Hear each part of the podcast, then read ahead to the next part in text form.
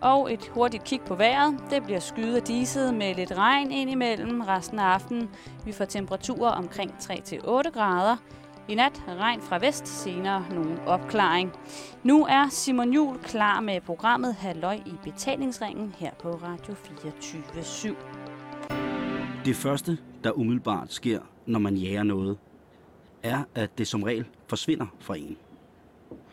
Desperationen lyser som et fyrtårn ud af en. Og jo mere man ikke finder det, man prøver at søge, jo kraftigere bliver lyset i fyrtårnet.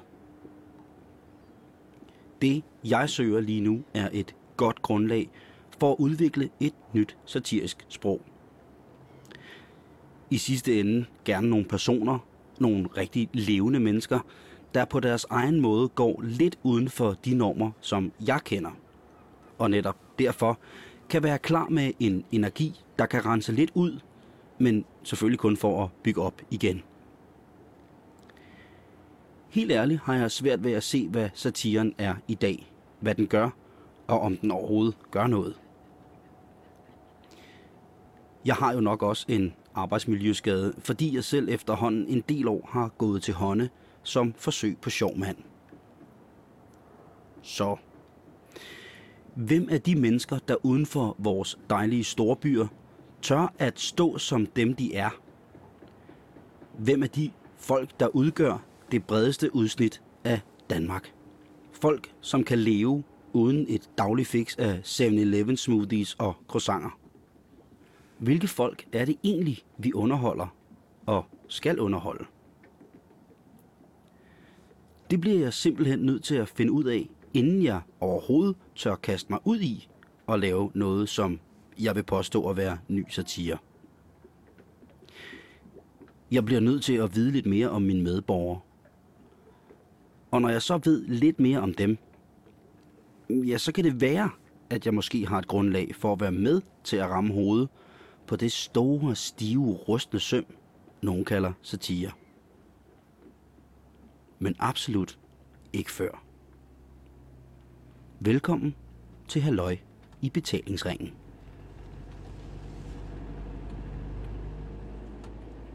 En del af at køre rundt i autocamper om vinteren, er at man ser en del campingpladser tomme. Eller i hvert fald næsten. Der står lidt campingvogne spredt rundt omkring, som ser ud som om de kun sporadisk bliver besøgt af deres retmæssige ejere, for eksempel i en weekend. Det kan se lidt trøstesløst ud, faktisk. Men jeg synes, det er virkelig hyggeligt. Jeg tænker tit på filmen Snatch, hvor Brad Pitt slår løs på folk, så han kan give sin mor en ny karavan. Eller på Johnny Depp som gypsien Ru i Lasse Hellstrøms Chocolat.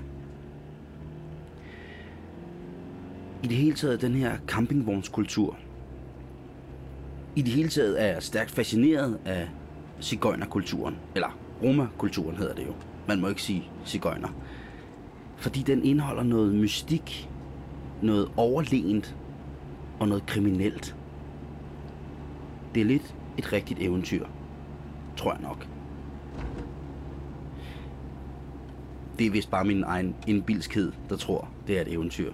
Jeg ved godt, at den indeholder en hel masse facetter, men jeg ved ikke nok om det. Det gør til gengæld Malene Finger Grøndal. Hun er specialist i cigøjner. Nej, romager, sagde jeg det igen.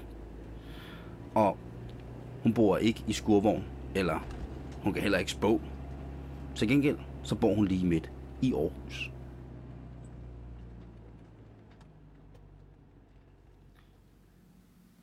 Jeg skal blive nødt til at spørge, hvad er cigøjner? Altså, Ja, det er et super godt spørgsmål. Jeg er bange for, at vi ikke kommer videre. Jamen, jeg har skrevet en bog om cigøjner, og et af de største problemer, det var ligesom at sige, hvordan afgrænser vi det her, ikke også? Altså egentlig så er jeg gået over til at sige, at cigøjner, det er sådan et fantasibillede. Og romager, som er et andet begreb, man også kan bruge, det er nogle virkelige mennesker. Øhm, og jeg synes ikke, vi skal aflive cigøjnerne, fordi de er jo, det er jo ret fantastisk, de der billeder, vi har af dem, ikke? Men jeg tror, vi skal prøve sådan at skille lidt. Så hvis jeg skal sige lidt kort, hvad cigøjner er, så er det, øh, så er det noget, vi beskriver som sådan et folk eller nogle mennesker med en bestemt livsform, som handler meget om noget med, som vi er meget ambivalente overfor. Ikke? Det er noget med, at de er de mest frie og ubundne, og samtidig så er de, og det er de på en positiv måde. De spiller musik, og de rejser rundt, og de lever sådan fra dag til dag. Og samtidig så er de en trussel, fordi at, øh, netop fordi de gør det anderledes, fordi de ikke behøver vores normer, og de er de har deres egne regler og normer, som er stærkere end vores, og vi kan ikke styre dem. Og de er hønsetyve og kartoffeltyve og det der er værre, ikke? Så det er ligesom de der, det er det der cigøjnerbillede, sådan med to ansigter, ligesom der er. Og så kan man sige, hænger det overhovedet sammen med noget i virkeligheden? Ja, det gør det jo lidt, men jeg tror, når man kommer ud i virkeligheden, så møder man nogen, der måske har det, vi vil kalde cigøjnerlivsform, ikke? Nogen, der faktisk rejser rundt, der faktisk sætter pris på ikke at være småborgerlige og bundet af, af de her forskellige normer og så videre. Og så er der romagerne, som rigtig mange af dem, vi går og kalder cigøjner, tilhører. Ikke? Og det kan man sige, det er sådan en etnisk gruppe, defineret ved, at de har en oprindelse i Indien, og mange af dem taler et sprog, der faktisk stammer derfra, og de har måske også nogle kulturelle fællestræk. Så er de selvfølgelig helt vildt forskelligartede, så det der med overhovedet at afgrænse dem er også svært, men det er jo ligesom det gælder måske alle andre etniske grupper. Ikke? Så øh, på nogle måder, så er cigøjnerne jo det mest underholdende at beskæftige sig med, ikke? og romerne er lidt mere kedelige, fordi det er de der virkelige mennesker, som, hvor mange af dem faktisk ikke identificerer sig med det der cigøjnerbillede, eller har lyst til at leve sådan. Mm. Men hvor, altså, hvor fanden stammer cigøjnerbilledet så fra? Ja, det er et godt spørgsmål. altså, altså jeg, mit cigøjnerbillede ja. er jo... Jeg prøver at sige, hvad du tænker om cigøjner. Det er ja. altid sjovt at høre. mit cigøjnerbillede er jo øh, spåkonen, ikke? Ja. Og sådan en, en sørøver, der er gået i land. Ja. En øh, kvinde med, med sådan store gavanter. Ja. Øh, lidt mørkblødet, med store øjenbryn og tørklæde om hovedet og kulsort hår og store runde guldøringe og smykker, ja. der er mærkelige, og fingerringe med sten i. Ja. Og bare tær. Ja. Øh, og, og sådan en, en taske med alt muligt i, og så selvfølgelig en krystalkugle, ja. som sidder i en skurvogn, trukket af magiske æsler. Ja. Og hendes mand med et kæmpe overskæg, øh, der spiller fløjte og alt muligt, og stjæler brød, og måske stjæler en pung. Ja. Og, og de har uvo- en masse uvordne unger, øh, og bor i det her skurvognskollektiv. Mm.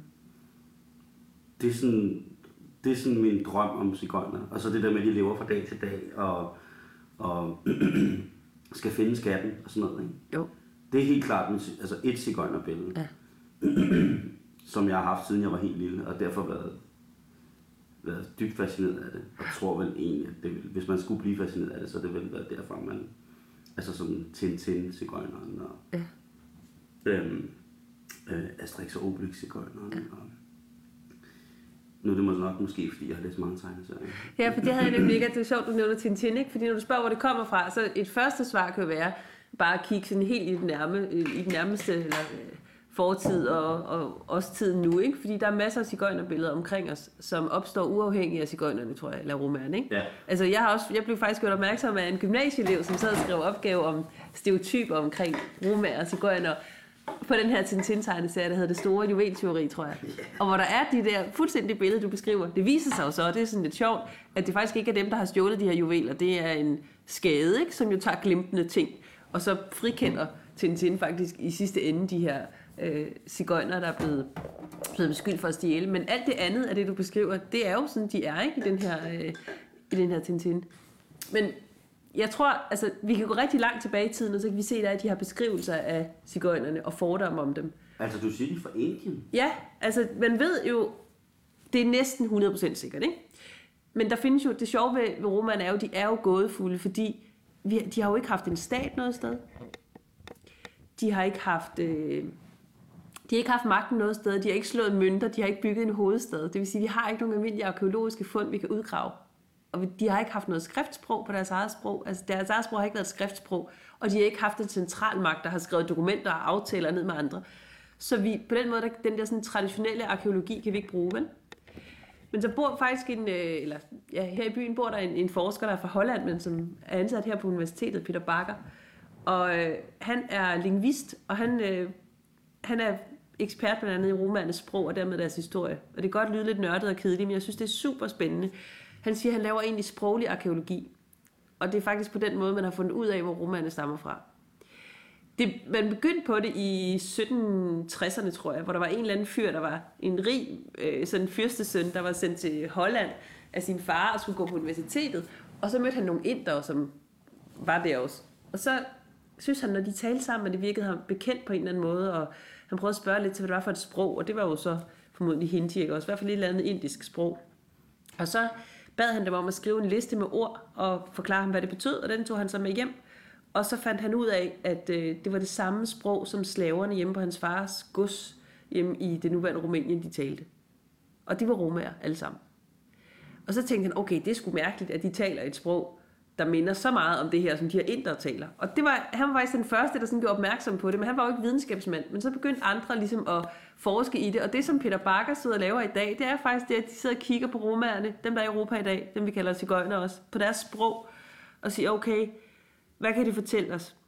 Og det er sådan slået fast nu, at det minder faktisk i sin grundstruktur og de vigtigste ord, som man tænker, den bevarer man i et sprog, så noget med mand og kvinde og øh, vand og brød og alt den slags. Det minder helt vildt meget om hindi og punjabi og sanskrit, som jo er det der oldindiske sprog.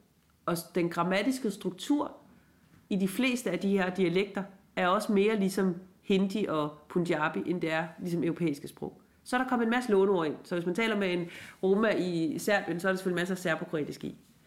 Og i Spanien har de faktisk taget meget spansk grammatik til sig, så der er det, der er det sådan en virkelig mærkelig afart af romani.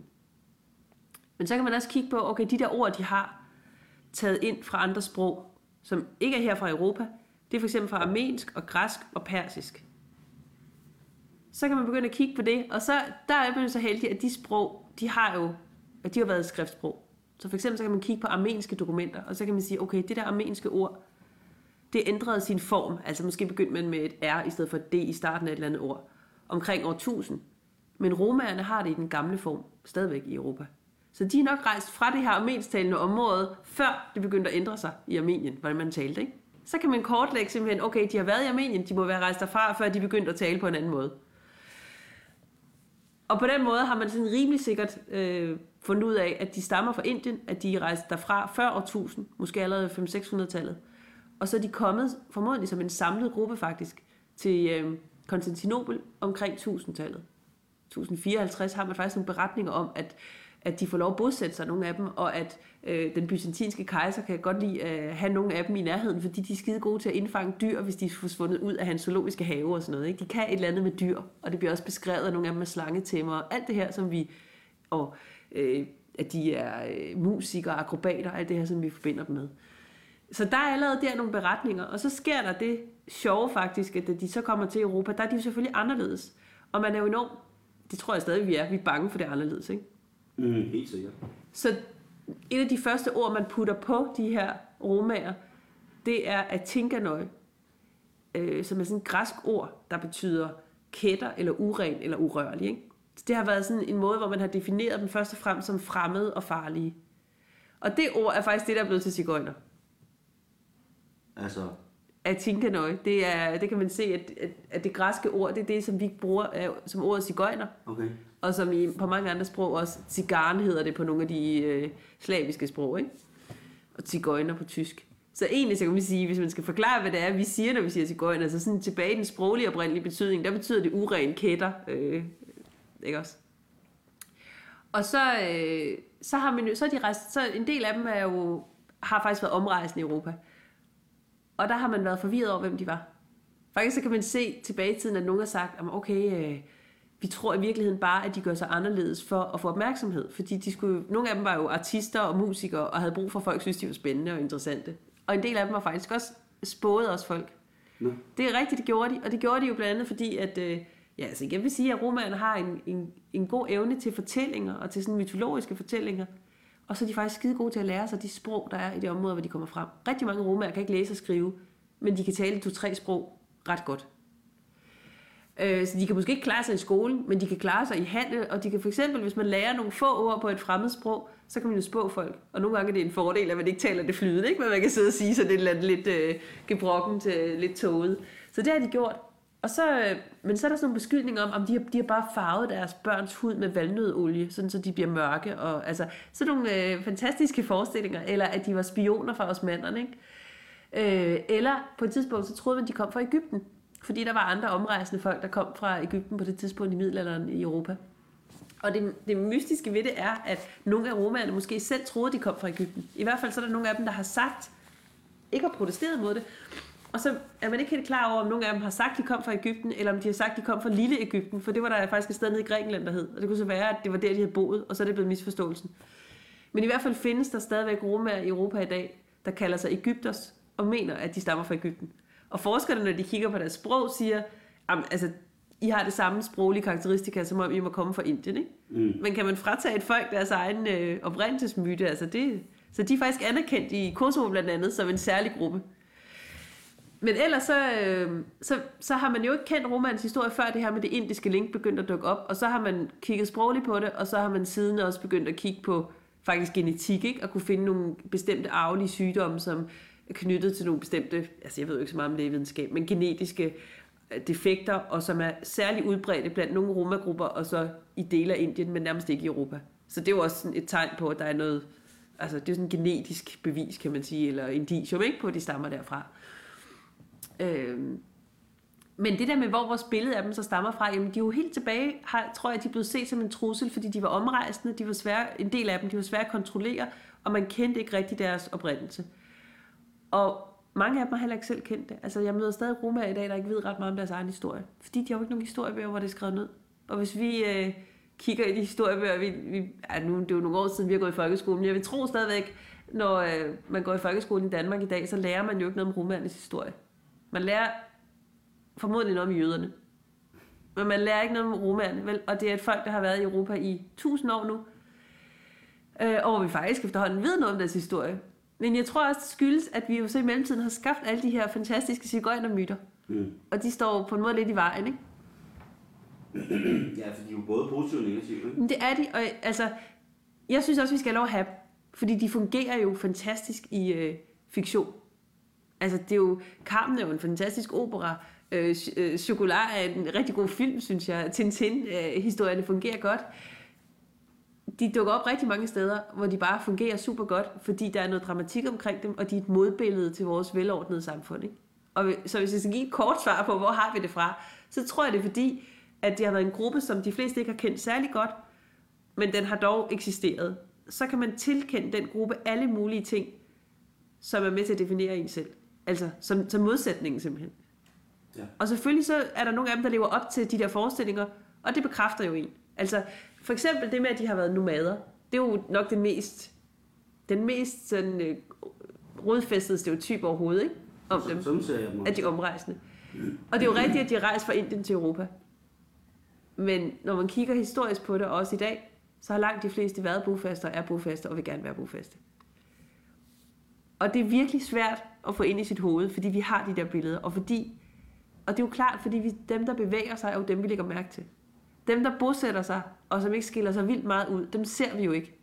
Så vi har jo, de, vi har jo noteret os bevægelserne, og det er jo det samme i dag. Vi noterer os, at der kommer romager hertil, fattige romager, ikke? Vi noterer jo ikke dem, der bor i Ungarn og Rumænien og Spanien og bor fast og er gymnasielærer, eller hvad de nu er, handel, øh, handler med forskellige ting, eller håndværkere. Dem lægger vi jo ikke mærke til.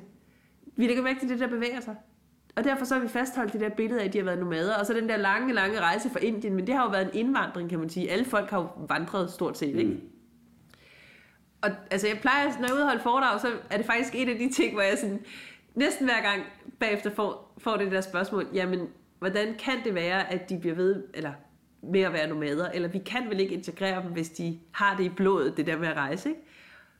Og det er til trods for, at jeg har prøvet at forklare og give tal på det her med, jamen de fleste har været bofaste. Øhm, og det vi ser i dag for eksempel, det vil jeg sige, det er fattigdomsmigration. Det er ikke specielt eksotisk eller spændende, det er egentlig rigtig, rigtig fattige mennesker, og så kan man så sige, at, at romerne har ofte en hel masse, eller de har ikke så meget at tabe. Mange af dem har ikke ID-papirer, de har ingen rettigheder der, hvor de er faktisk, for det har man jo ikke, hvis man ikke har et statsborgerskab. Så hvem er de første til at rejse? Det er dem, der har lige akkurat kræfterne til det, og som ikke har så meget at tabe. Ikke? Og så plejer jeg at bruge egentlig når man taler om det her med, med de omrejsende, så er der stadigvæk nogen. Der er stadigvæk nogen rundt omkring i Europa. Og det er jo selvfølgelig også det forvirrende, som fastholder, at det, der er vigtigt for dem, det er deres livsform som omrejsende. Og nogle af dem kalder sig travelers, ikke? Og nogle af dem siger, jo, vi er en del af Roma- eller Tigøjnergruppen, og andre siger, vi er vores egen gruppe.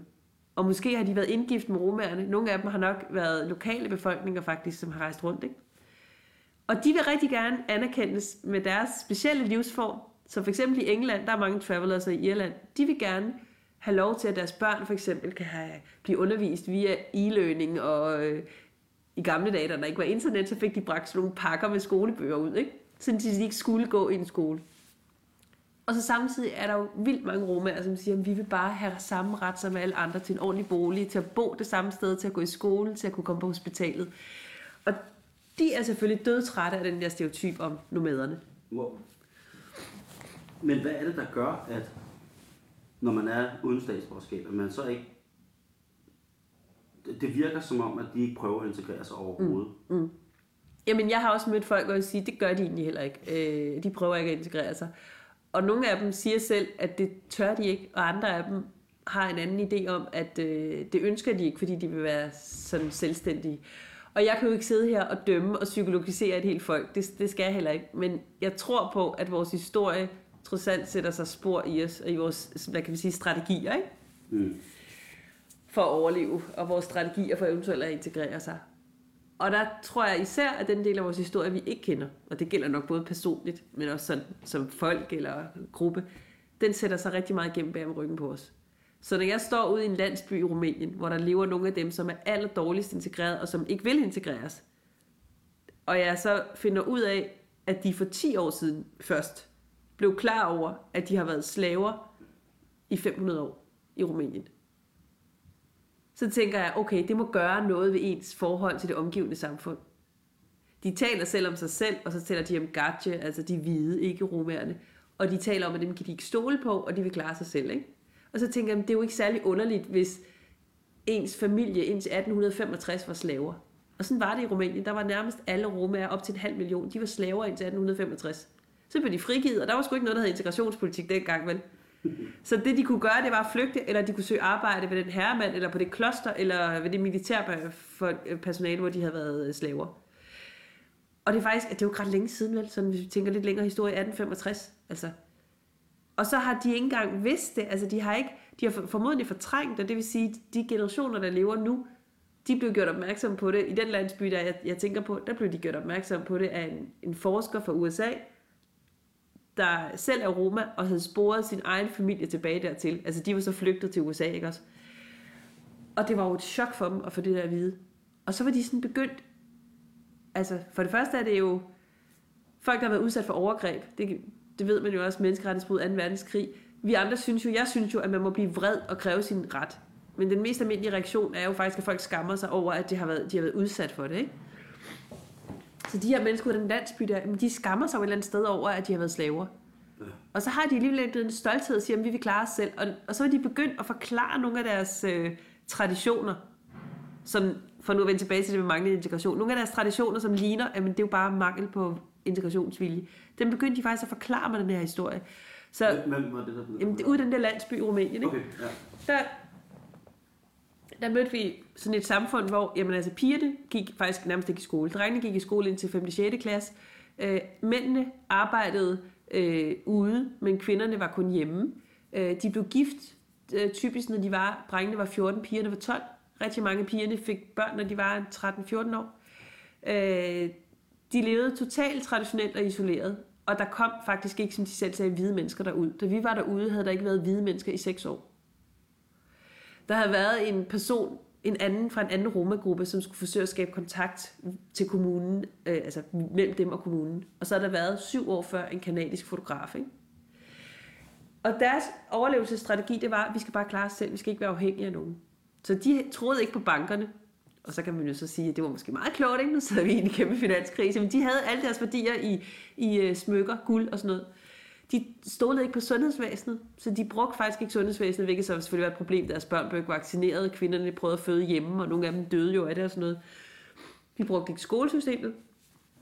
De prøvede at undgå at bruge socialvæsenet også. De betalte så heller ikke skat. Og det var der selvfølgelig stor forarvelse over, fordi de havde også med sæde, så nogle af dem. Traditionelt havde de været koversmed, og det havde de kunne leve rigtig godt af, fordi de var, mange romager har jo været rigtig dygtige håndværkere. Så det, det kunne man godt bruge dem til, ikke også? Så de havde været koversmed, og det var der så ikke ret mange af dem, der var mere. Og når man så spurgte dem, hvad de lavede, så sagde de business, og man kunne se de der mænd, der rendte rundt øh, med deres mobiltelefoner. Og politiet i byen sagde så, jamen øh, de levede hvis nok af at smule nogle metaller over grænsen for Moldova og sådan noget. Ikke? Så de har holdt fast i metallerne, men lige udviklet det lidt. De følte sig ikke forpligtet overhovedet på lovgivningen i det omgivende samfund. De havde deres egne regler, der handlede om, okay, man er totalt lojal over for gruppen. Og man beskytter hinanden, og øh, vi lever, som vi altid har gjort. Og når vi så sådan nogle gange spurgte dem, hvorfor for eksempel skal jeres børn gifte så tidligt, så sagde de, at det er vores tradition. Det har vi arvet fra vores forfædre. Det var ligesom bare argumentet, ikke? Og det kan man godt blive sådan lidt, jamen hallo, vågn op. Altså, der er noget, der hedder udvikling, forandring. Men for dem har det jo været overlevelse. Det er at gøre, ligesom vi altid har gjort. Og når man så spurgte lidt mere ind til det, jamen hvorfor gjorde jeres forfædre det så? Så var der sådan en gammel mand, der sagde til os, jamen det var fordi, at dengang vi var slaver, der øh, var det jo tit sådan, at herremanden der, der, der ejede os, han kunne finde på at forgribe sig på de unge piger. Så den bedste måde at sikre sig, det var, at de blev gift sådan lige før de kom på puberteten. Fordi det gik som rigtig ud over de gifte piger. Og det er jo logik, altså det er jo overlevelse, det er jo faktisk ret fornuftigt. Mm. Det er så ikke skide fornuftigt at blive ved med at gøre det, men så kan man sige, okay, skridtet fra at overleve og bare holde fast i de ting, og så til at sige, vi, åb- vi går åbent ind i det her omgivende samfund, vi stoler på, at de vil os det bedste. Det er jo faktisk rimelig langt. Og det er måske endnu længere, hvis man ikke kender sin historie, fordi så har man bare sådan en, man har bare fået at vide sine forældre og bedsteforældre, I kan ikke stole på de hvide. I kan handle med dem, I kan, men I skal ikke gøre jer afhængige af dem. Så det, der er nogen der, hvor de vil ikke umiddelbart integreres. Vel? Og så er der andre grupper, der faktisk har assimileret sig for at klare sig. Ja. Så de går rundt og skjuler de romager. Og har faktisk tit klaret sig godt, netop ved, vil de så sige, at der ikke er nogen, der har vidst, de var romager. Ikke? Og det kan man jo så bedst gøre, hvis man ikke ligner en roma. Så jeg har da mødt sådan et, et søskende par i Rumænien, hvor vi var ude i den allerfattigste forstad til Bukarest, hvor der bor rigtig mange romaer, og spurgte også en del hvide, og der er mange narkomaner, og det er bare et rigtig, rigtig trøstesløst område. Og ligesom det nogle gange er i Danmark i de såkaldte ghettoer, så er det faktisk de hvide, der har det dårligst, ikke? Og de andre bor derude, fordi de ikke har noget andet sted at bo. Så de er bare omgivet af rumænere, der er rigtig dårligt fungerende.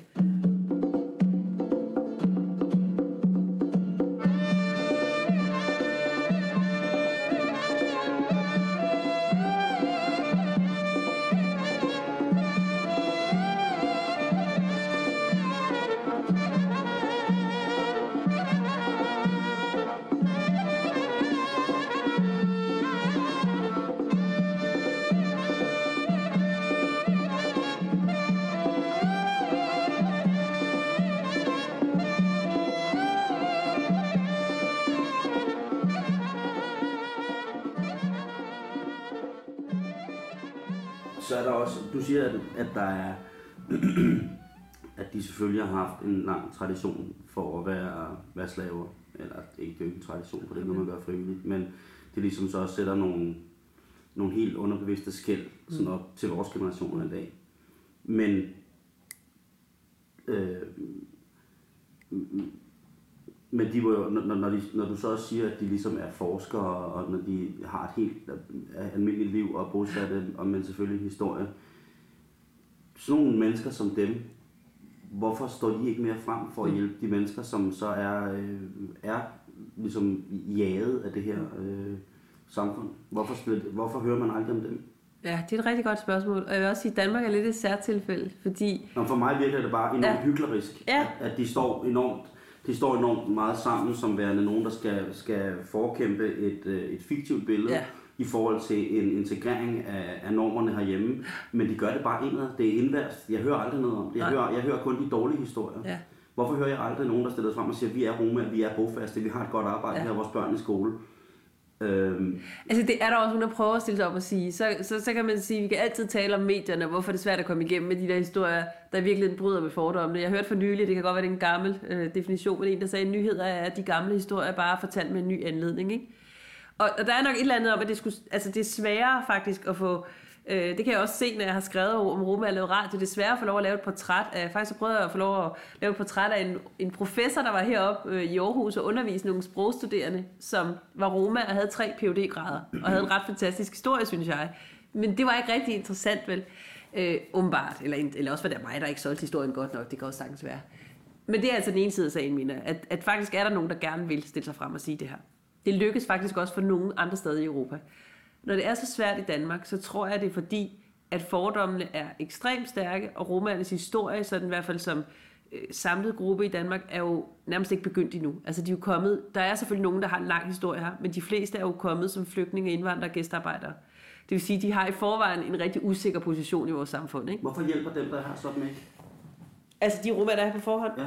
Jeg tror faktisk, at de først... Altså er der etableret romer bofast i Danmark? Der er jo dem, der er kommet som gæstearbejdere i 60'erne og 70'erne. Der kom faktisk mange, som kom fra Jugoslavien, ikke? og som er kommet, og vi opfatter dem som, det var, de kom med jugoslaverne, og mange af dem går, har også kaldt sig serber eller makedoner og er blevet registreret som sådan, men altså romager. Når de vælger ikke at stille sig frem, de fleste af dem, der skyldes det jo blandt andet, at allerede internt i gruppen, der bliver det brugt imod dem, ikke også? Altså, der er jo nogen, der går rundt og tror at være afslører, at de er romager, fordi så står de nederst i hierarkiet. Det, vi ved også, det sker på asylcentrene i dag, når folk kommer for eksempel fra Kosovo. Jamen, romaerne er nederst i hierarkiet. Og det er, jo for, det er jo fordi, at de fordomme, vi sidder med her, de gør jo, at hvis du udpeger nogen som Roma eller cigøjner, så tror jeg faktisk, det er realistisk nok, og det viser undersøgelser i hvert fald for Sverige, at hvis de er ude at have et arbejde, og der bliver stjålet fra øh, kagekassen, ikke? Mm. så falder mistanken på romaen. Mm. Det er i hvert fald det, de forestiller sig. Men du snakker meget om Sverige og Ja. Spanien. Og, Ja. øh, hvor er vi i Danmark med det her? Jamen, vi er godt nok ikke ret langt heller. Altså, der er en hel del familier, blandt andet cirkusfamilier, som nok har romablod i årene, eller, og det ved man ikke så meget om. Der er jo nærmest ikke forsket i det. Det er jo helt vildt ærgerligt. Jeg håber virkelig, at den nye regering vil sætte nogle penge af til at få det her afdækket, fordi det er jo en super spændende del af vores historie. Helt kort, så kan jeg sige, at man ved, at der var romaer i Danmark første gang i 1505. Der kom nogen, som havde sådan en anbefalelsesbrev med fra en skotsk konge, tror jeg det var. Og de fik lov at rejse ind, og så er de nok blevet smidt ud. Men i hvert fald så er de rejst videre til Sverige, og det skete med rigtig mange af dem, fordi at, øh, vi var ret hårdhændede. De var faktisk fredløse i Danmark i lang tid. Ikke? Så de blev sendt videre øh, og nåede til Sverige, hvor de så blev sendt fra øh, Stockholm i 1515 på mistanke om tyveri. Og det er jo lidt morsomt, når vi ser de her udvisninger, der så har været her 500 år senere. Ikke? De er også blevet smidt ud dem fra Amager på mistanke om tyveri. Så vi skulle ikke nå så langt, kan man så sige. Men jeg tror, der er ikke nogen, der ved, hvor mange der er i Danmark. Og der er ikke nogen regeringer, der vil tælle det op, fordi vi, vi øh, hvad det hedder, øh, registrerer jo ikke folk efter etnicitet. Så derfor er det også lidt svært at faktisk at finde ud af.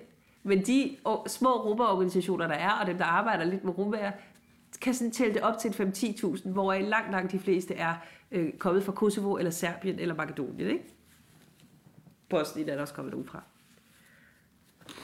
Dem af dem, der har klaret sig godt, de har jo tit klaret sig ved at bare glide ind i gruppen af gæstearbejdere, indvandrere, øh, efterkommere.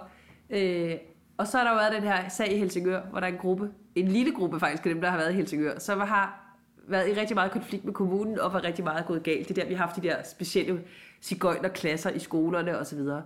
Og den historie kender rigtig mange i Danmark. Og det ved romaer det godt. Så det vil sige, at de andre romaer, der måske klarer sig rimelig godt, de er bange for, at man, at man tænker alt det om dem, som vi hører fra Helsingør. Det Hvad siger kan, de selv. for, hvad, hvad kan man gøre for at hjælpe dem? Jamen altså, ja, jeg, jeg ved godt, at man må jo ikke sige, at vi skal kigge på Sverige og lære dem, vel? Det er jo sådan lidt umoderne at sige, men det tænker jeg faktisk, man godt kunne. Fordi det, man har gjort i Sverige, det er, at man har sagt undskyld for nogle af de overgreb, man har lavet. Og dem har der sgu været mange af os i Sverige, ikke? Mm. Og så har man sagt, at vi anerkender jer som national mindretal. Vi ved, at I har været historisk til stede her i landet. Øh, ligesom samer og jøder og et par andre grupper. Og så giver vi jer nogle rettigheder, sådan kulturelt og sprogligt. Og så, så har man jo spillet ud og sagt, det her giver vi jer. Nu er I en del af det her samfund. Vi skriver om jer i skolebøgerne. I har nogle mulighed for at lave radioudsendelser. Så mener jeg også, at det er et fornuftigt tidspunkt at sige, og hvad vil I så? Hvordan vil I spille ind? Hvordan vil I være med i det her samfund? Og det er et skridt for romaerne at tage, for de fleste har jo overlevet sådan på kanten af samfundet. De har ikke været politisk aktive, de har ikke siddet på magt. Det vil sige, de har heller ikke taget medansvar for alle de grimme ting. De har været de forfulgte, ikke også? Og den udvikling kan man godt vende. Det tager selvfølgelig tid, men man kan se det i Sverige. De stiller sig frem på romaernes. De har faktisk sådan en international nationaldag, kan man sige, 8. april, hvor de faktisk stiller sig frem og laver fester og øh, i samarbejde med kommuner og museer og sådan noget, markerer den her dag. De tør vise sig frem offentligt, og de er selv med til at organisere nogle uddannelser, hvor man for eksempel øh, lærer voksne at læse og skrive, det er hvem, som ikke kan kunne det. Men den her professor, jeg nævnte før, han sagde noget, jeg synes var super klogt. Han sagde, han havde arbejdet med integration, ikke så meget med romager, men alle mulige andre grupper. Sorte og spansktalende i USA også og sådan noget.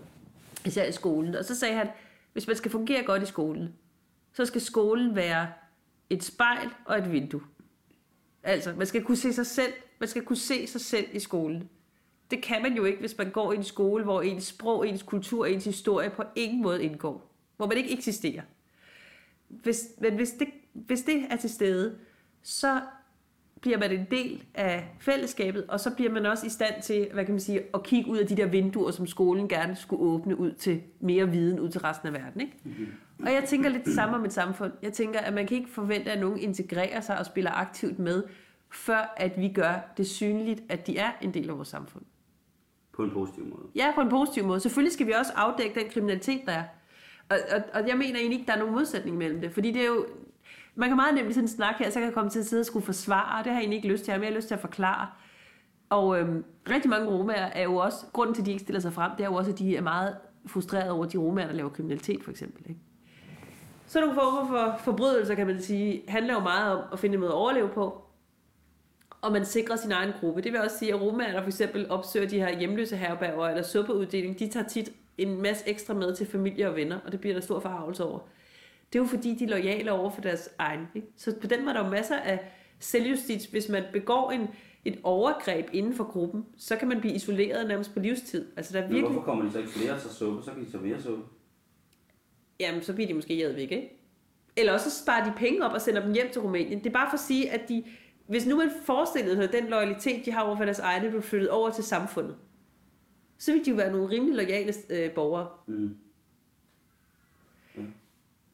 Men når der så er for eksempel kriminalitet, så tænker jeg, at en del af, af det store problem, jeg ser lige nu, ikke, det er jo også, at der er selvfølgelig en kriminel underverden, også i Østeuropa og Centraleuropa, hvor der er fattige. Der er meget trafficking, og der er rigtig mange romager. Der er ikke så mange, der organiserer det, som man tror, men der er mange, der bliver ofre for det. Fordi du er nemt offer for trafficking, hvis du ikke kan gå i skole, hvis du er fattig, og hvis du ikke ved ret meget. Øhm, så kan det være, at du lader dine børn blive taget med. De skal ud og tjene nogle penge, eller hvad ved jeg. Kvinderne bliver solgt til prostitution, og nogle af dem ved det sågar godt. Jeg har stået et sted, hvor nogle kvinder sagde, at de havde fået de der tilbud mange steder. Øh, den ene af dem havde ikke kunne øh, amme sit barn, og barnet var dødt, fordi hun ikke havde råd til modersmælkserstatning. Ikke? Og hun sagde, at det næste det bliver jo, at jeg takker ja til sådan et tilbud. Fordi hvad skal jeg gøre for, at mine andre børn skal overleve? Så mange af dem ender som ofre for det her, og de går ikke til myndighederne, fordi de stoler ikke på politiet. Det vil sige, at vi kan meget nemt se en, en underverden, der udvikler sig sådan, så også romager misbruger andre romager. Og det har jeg også set eksempler på. Romager, der går ud i de fattige landsbyer, i Slovakiet for eksempel, Rumænien, låner penge ud, låner mad ud. Og de har jo deres tillid, ikke også trods alt, fordi de er romager. Så kommer de og kræver tilbage med renters rente. Hvis man lever på kontanthjælp dernede, så har man som regel ikke rigtig råd til at betale tilbage. Så på et tidspunkt, så bliver man truet med, at man skal betale. Og man kan så deltage i noget kriminelt for at betale sin gæld af. Eller man kan for eksempel få en bustur til Danmark eller Tyskland, så betaler, skal man også, får man en gæld også yderligere, fordi man skal køre med bus, ikke? men så får man lige muligheden for at komme til Danmark eller Tyskland en uge eller to, så bliver man sat af på rådhuspladsen, og så har man en uge, og man må selv finde ud af, hvad man gør, og når man så kommer med bussen hjem igen, så hvis man er heldig, så har man på en eller anden måde fået skrabet så mange penge sammen, at man kan betale sin gæld af. Og det er jo Roma og nogle af dem, der organiserer det. Og der er det store problem jo, at, vi, at, at, de er, at der er en del af Roma-miljøerne, som er så isoleret, og som ikke går til politiet, at det bliver enormt svært at få Men gjort de, op. er, de er jo ekstremt aggressive. Ja. Altså, jeg har jo lavet noget på strøget med romerne, ikke? Mm. Hvor at, øh, jeg, jeg, jeg tog pis på deres, øh, det der spil med, med kopperne. Ja. Hvor jeg så i stedet for at øh, stjæle folks penge, dele penge ud, lige foran øjnene af romerne. De blev ekstremt aggressive. Ja. Øhm, og jeg tænker bare, at, at det, det, det er da mærkeligt, at altså, er der ikke nogen af de der veluddannede? Altså, jeg kan simpelthen bare ikke forstå, at man bliver så, øh, at man bliver så bange for noget over for sin egen race eller for sin mm. egen folk, at man, at man ligesom barrikaderer sig bag en etableret inte- intellektualitet i samfundet, mm. og ikke vil hjælpe. Det, for, for, for på mig virker det som om, at ham der professor med de tre PhD'er, han gider sgu da ikke hjælpe de andre. Jo, han, han prøver faktisk at gøre det, ikke også? Han rejser rundt og prøver at fortælle og prøver at holde kontakt med nogle af de her unge romaer og hjælpe dem. Men i, altså, han kommer så også fra Bulgarien. Altså, jeg vil sige... konkret Ja, jamen, det, jeg kan altså, også godt... Ja. Nu, nu, nu, altså, Nej, nu, men kan- ja. generelt, Ja. altså når du siger, at der findes Ja. veluddannede etablerede bosatte romaer, Ja. at det virker bare så så, så egoistisk, og at, at de ikke øh, ligesom siger, jamen okay, jamen, hvis vi er romager, jamen, så bliver vi også nødt til at åbne dørene Ja. for en strøm af informatik om, hvad man Ja. skal gøre, hvis man gerne vil integrere sig. For jeg kan sagtens forstå, der er nogen, som ikke har lyst til det. Ja. Der er også nogen, der prøver at øh, mislykkes med det, fordi de bliver mødt med racisme. For eksempel deres børn får ikke lov at gå i skolerne. Har du ikke registreret dit barn, hvilket mange ikke har? Er det, er det sådan i Danmark? Nej, men i Rumænien for eksempel. I Danmark har der også været et problem, at du blev sat i de der cigøjnerklasser op i Helsingør. Hvis, du Mm. vidste, hvis nogen vidste, man var cigøjner, så blev man sat derhen. Det er jo et godt eksempel på, hvad man risikerer. Så sidder man børn fra 3. til 9. klasse og læser de samme bøger, og får ikke en afgangseksamen. Mm. Så jeg, øh, jeg forstår egentlig godt dit synspunkt. Men jeg, Ja. Det, det er bare frustration. Ja, men det, jeg synes også, det er noget af det, der er mest frustrerende, fordi det er også et eller andet sted, det er også mærkeligt, at jeg skal sidde her og fortælle om Roma, og jeg ville ønske, at Roma, der sad og gjorde det. Men, og jeg synes, at, jeg synes, det er modigt, når man stiller sig frem og siger, at man er cigøjner. Det må jeg sige. Øhm, der var her i 1. oktober, var der over hele Europa sådan noget, de kaldte Roma Pride. Det synes jeg faktisk var ret fedt. Der var nogen, der havde fundet ud af, at ligesom den der Stonewall-ting i øh, USA omkring homobevægelsen, hvor man så, det var ikke engang den dato, det var i juni, tror jeg, men hvor man ligesom lavede en øh, Stonewall-dag, hvor man, hvor man ville markere, altså første gang lavede en Pride, ikke? hvor man ville markere, at man havde ret til at være der, så også som synlig homoseksuel. Der var nogen, der sagde, nu laver vi vores Roma Pride Day. Og så siger man, okay, over hele Europa, de steder, hvor folk bliver være med, der var der romaer, der gik ud og markerede på forskellige måder demonstrationer, eller happenings, koncerter og et eller andet. Og så var der faktisk nogen her i Danmark, det var så SOS mod racisme og nogle andre, der startede det, men de fik faktisk nogle romaer med på det. Så øh, jeg blev bedt om også at komme og holde en lille tale, og det var, inde, det var øh, super heldigt, fordi det var inde ved øh, Rundetårn i København, og det var bare den vildeste solskinsdag der i oktober, så der var sindssygt mange mennesker, der gik forbi, og jo ikke anede, hvad, de, øh, hvad det var, de gik forbi, men så stillede de sig op og specielt og lyttede, fordi der var et super godt romaorkester med nogle fyre fra Holbæk og Helsingør og København, som spiller fremragende, ikke? De er bare simpelthen så gode. Og de stillede sig op og, og spillede, og så kom folk jo hen og lyttede, bare fordi det var god musik. Og så delte vi sådan nogle postkort ud om den her dag, og hvad det var, og sådan noget. Og børnene fik slik, så kunne man lige stikke forældrene en seddel også. Øh, og så var det her orkester holdt også en lille taler, en af dem stillede sig også op og sagde, at altså, vi er romager, og øh, vi vil gerne svare på jeres spørgsmål. Vi ved godt, at I har rigtig mange forestillinger. I kan bare komme op og snakke med os, og, og stille os de spørgsmål, I har lyst til at stille. Og det synes jeg faktisk er flot, fordi de står der, hvor folk er vant til at sidde romantikere, og måske er enormt sure, og de stiller sig op og ligesom tør repræsentere et folk, ikke? Men så stiller de sig jo også op og spiller deres musik, som er romamusik, men som også er det, de kan. Og så har man jo allerede afmonteret et eller andet, fordi ja. så er man nødt til at have en respekt for dem.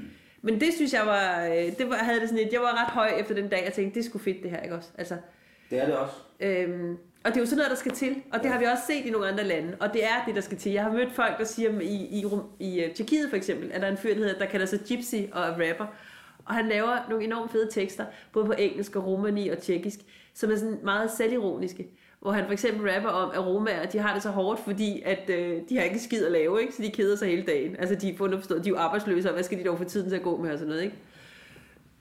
Og samtidig så, så viser det jo også, at han siger, at vi er jo, altså, vi er jo, vi har jo ikke noget arbejde. Men han fortæller også om kriminalitet og stjæle biler og alt det her. Så selvfølgelig er der nogle romaer, der er sure på ham. Men samtidig så skaber han en eller anden bro, fordi for eksempel at bruge humor og bruge fordommene selv, tage dem på sig og sige, ja, jeg er en fucking gypsy, og jeg øh, ved, hvordan man stjæler en bil, og jeg laver musik om det. Og så er han blevet, så fordi han er en god rapper, så er han blevet rigtig populær i Tjekkiet. Og han vandt vist nok deres sådan noget stjerne for en aftenagtigt øh, for nogle år siden. Og det var der rigtig mange romager dernede, der sagde til mig, det er fint, at EU har sørget for, at vi har fået alle mulige rettigheder på papiret, men det, der har betydet mest for os lige nu, for at vi tør stå frem og sige, hvem vi er, det er faktisk, at han har fået den der anerkendelse. Ikke? Vi kan være stolte. Han hedder Gypsy, men jeg ved ikke, jeg kan ikke huske, hvad han hedder. Han har et øh, civilt navn også, men, Men man kan Gypsy finde ham på- CZ, man kan finde ham på nettet. Ja. Øhm, og det er, jo, altså, det er jo sådan noget, der skal til. Det er jo de der billeder, som vi, og dem kan man jo ikke rigtig planlægge sig til. Nej. Men det er jo integration, som jeg ser det. Jamen det er jo også, altså det er jo, jeg har jo, altså jeg har jo selv underlagt en egen fordom om ikke? Jo, altså, det er der også hele tiden. op- Altså, jeg, altså, det- jeg skal hele tiden kæmpe mod at sige, hvis man ville lave en Gypsy Festival, Mm. ikke, som jeg har en, en eller anden drøm om, jeg kender rigtig mange, som jeg, du ved, har venner, som spiller i, i klezmerband og Ja. i, med alt muligt, og tænker, at så tænker man bare, de folk, der så vil være repræsentative i forhold til samarbejdet, Mm. vil de så være underlagt en større kriminel underverden i forhold til at lave penge ud af det her, ikke? Ja. Det er jo min egen fordom, der, der, Ja. der tænker, ikke? altså det Jo. bliver jeg bare så træt af. Altså, min Jamen, jeg egen- har også de der fordomme, og jeg, selvfølgelig får jeg også nogle af dem bekræftet. Altså, jeg ser jo også, møder jo også de der øh, store cigøjnermænd med guldkæder og alt muligt andet. Og der, er, der foregår jo nogle af de her ting, som vi snakker om. Men jeg må så også bare sige, at jeg har også... Altså, det er jo lidt ligesom, når man går på gaden, at man kan jo se, hvem der er muslimske kvinder på tørklæderne, og de andre kan man ikke nødvendigvis se. Og det er jo ikke for at sige, at det ene billede så er helt forkert, men vi er bare nødt til at anerkende, at de andre også er der. Altså det er egentlig sådan det, jeg synes er vigtigst, det er, at de romager, der gerne vil have lov at være romager på deres måde, de får nogle gange ikke lov til det af deres eget miljø, og de får ikke lov til det af os. Der, er siddet, der har siddet to kvinder i Europaparlamentet som romager, den ene af dem sidder der stadigvæk, men hende, som gik ud efter fire år, hende lavede et interview med, og det var, det var simpelthen så sjovt, fordi hun, altså hun lignede sgu mig meget, vi var samme alder. Hun var så lige på barselsårlov på det tidspunkt, jeg var lige blevet gravid med min første barn. Øhm, hun var, øh, havde været uddannet i journalistik og noget i jura også, havde arbejdet i NGO, og så hun blevet valgt ind i Europaparlamentet for et liberalt parti. Det er, så ikke, det er jeg så ikke lige, men altså, vi var bare, vi sad der og snakkede sammen. Hvor er de fra? Øh, er de fra? Hun var fra Ungarn, Okay. og de begge to faktisk, og vi mødte hende i, øh, i Budapest, fordi hun var hjemme der med, på overlov, ikke? Og så kom hun fra, åbenbart fra sådan et vildt traditionelt cigøjnermiljø, hvor hun sagde, jamen, altså det var sådan noget der med, at kvinder, øh, og især unge kvinder, de skulle ikke på den måde gå ud, og de skulle ikke gå i bukser, og de skulle ikke og et eller andet. Og hun sagde, det kæmper jeg jo også imod. Så hun sagde, det jeg vil anerkende som, det er kvinde, det er medborger i Europa, det er selvfølgelig også Roma, og så er det også, at jeg kan være Roma på den her måde.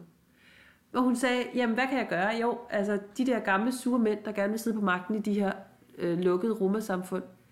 Jeg kan gå ud til dem, og så kan jeg sige, det er jeres børns ret til at gå i skole, jeg kæmper for. Jeg kæmper for, at de ikke skal på de der specialskoler. Og så efterhånden, så anerkendte de det. Men selvfølgelig har vi at gøre med nogle af de her lukkede miljøer, hvor de har forsøgt at overleve. Det er jo ligesom, hvis du rejser ud blandt kurder, de mest øde steder i Tyrkiet, hvor de ikke stoler på myndighederne, så stoler man øh, på klanlederen. Det er ligesom den mulighed, man har, så man også underlagt nogle patriarkalske normer. Sådan gælder det også i nogle af de her romamiljøer. Og det sjove er, at det er altså faktisk nogle af de unge kvinder mange steder, som gør op med det. Og jeg synes, det er modigt af dem, når de samtidig stiller sig op og siger, jeg er Roma, og jeg er det på min måde. Og du skal ikke bestemme, at man ikke kan være Roma, hvis man går i bukser, ikke? Mm. Men så står vi andre jo måske og synes, at det er lidt sjovere, når de står i deres kjoler. Og så på en måde, så bliver de usynliggjort som romaer. Altså, og der sidder stadigvæk en af dem i Europaparlamentet.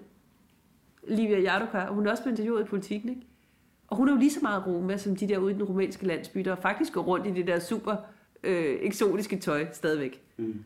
Og det, altså... Men, men hun anerkender jo også hende i Europaparlamentet, at der er romaer, der lever op til vores fordomme. Og det, altså det, det skal vi selvfølgelig også have med.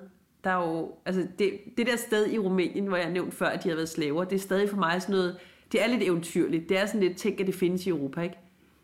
Ja, men jeg tænker også, det der med, nu har der været de her sager omkring øh, den der familie, som har, har fået en masse penge i staten. Ja. Øhm, tror du ikke, der er noget, noget... Altså er de så kriminelle, så andre cigøjner er bange for at sige til dem, prøv at høre, det her gang, det fungerer altså ikke. Eller tør de ikke, fordi at de giver pengene ud, og giver dem, som du selv sagde, hvis de er ved et sukkerkøkken, så tager de nok, så Ja. de kan dele ud af det. Øhm, vi ser dem jo kun som dog, altså vi ser jo kun de der, øh, de der fyre i store guldkæder og smarte jakkesæt og store biler, ikke? Jo. Øh, men, men og, og så sidder vi i vores egen små og siger, at de har malket os for Ja, ja. millioner og milliarder. Ikke? Men, Ja.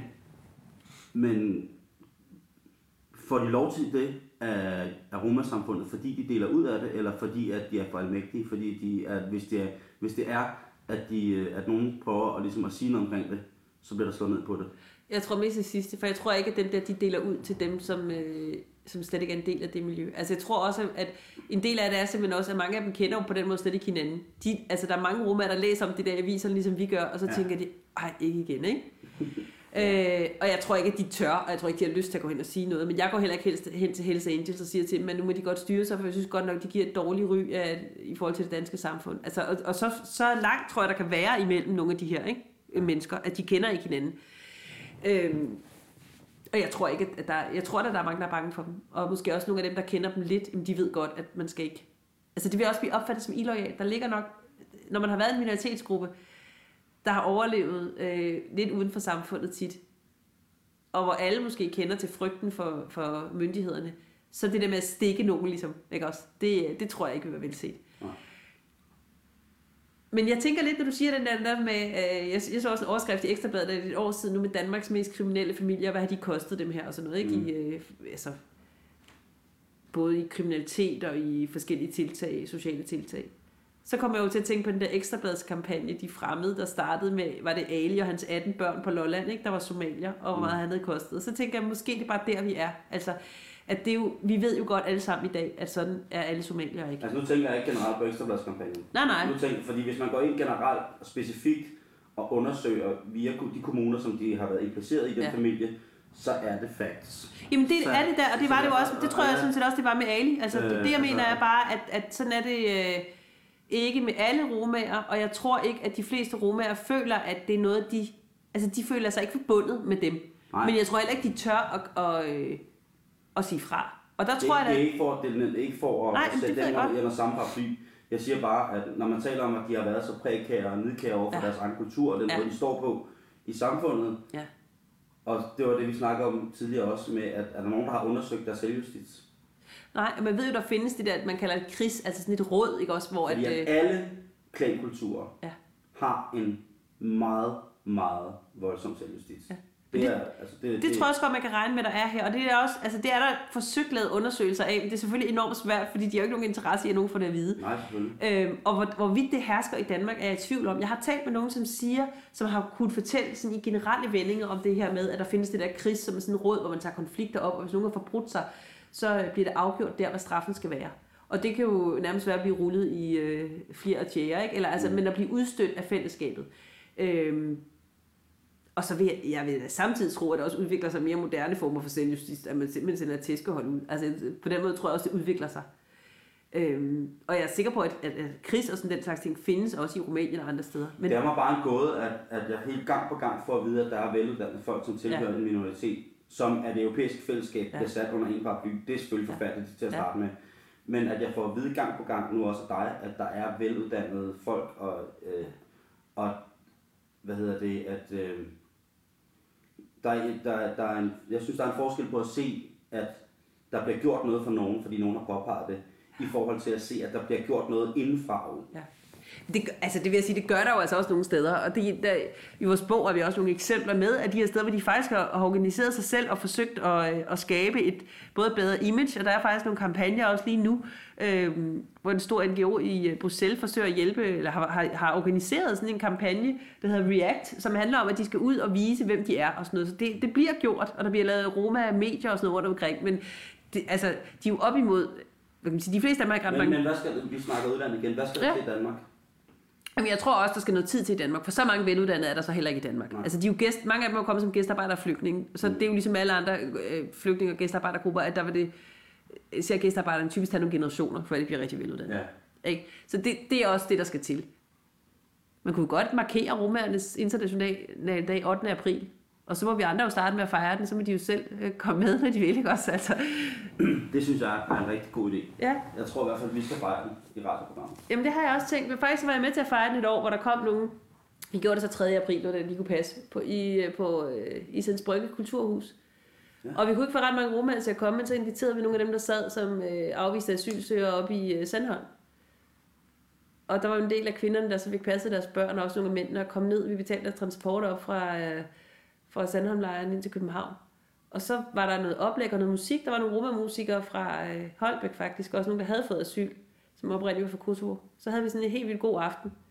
Og det, der var virkelig vildt, det var, at så kom der vist, tror 70-100 mennesker udefra, ikke? altså hvide danskere, der kom for at kigge på de her romer og høre om deres kultur.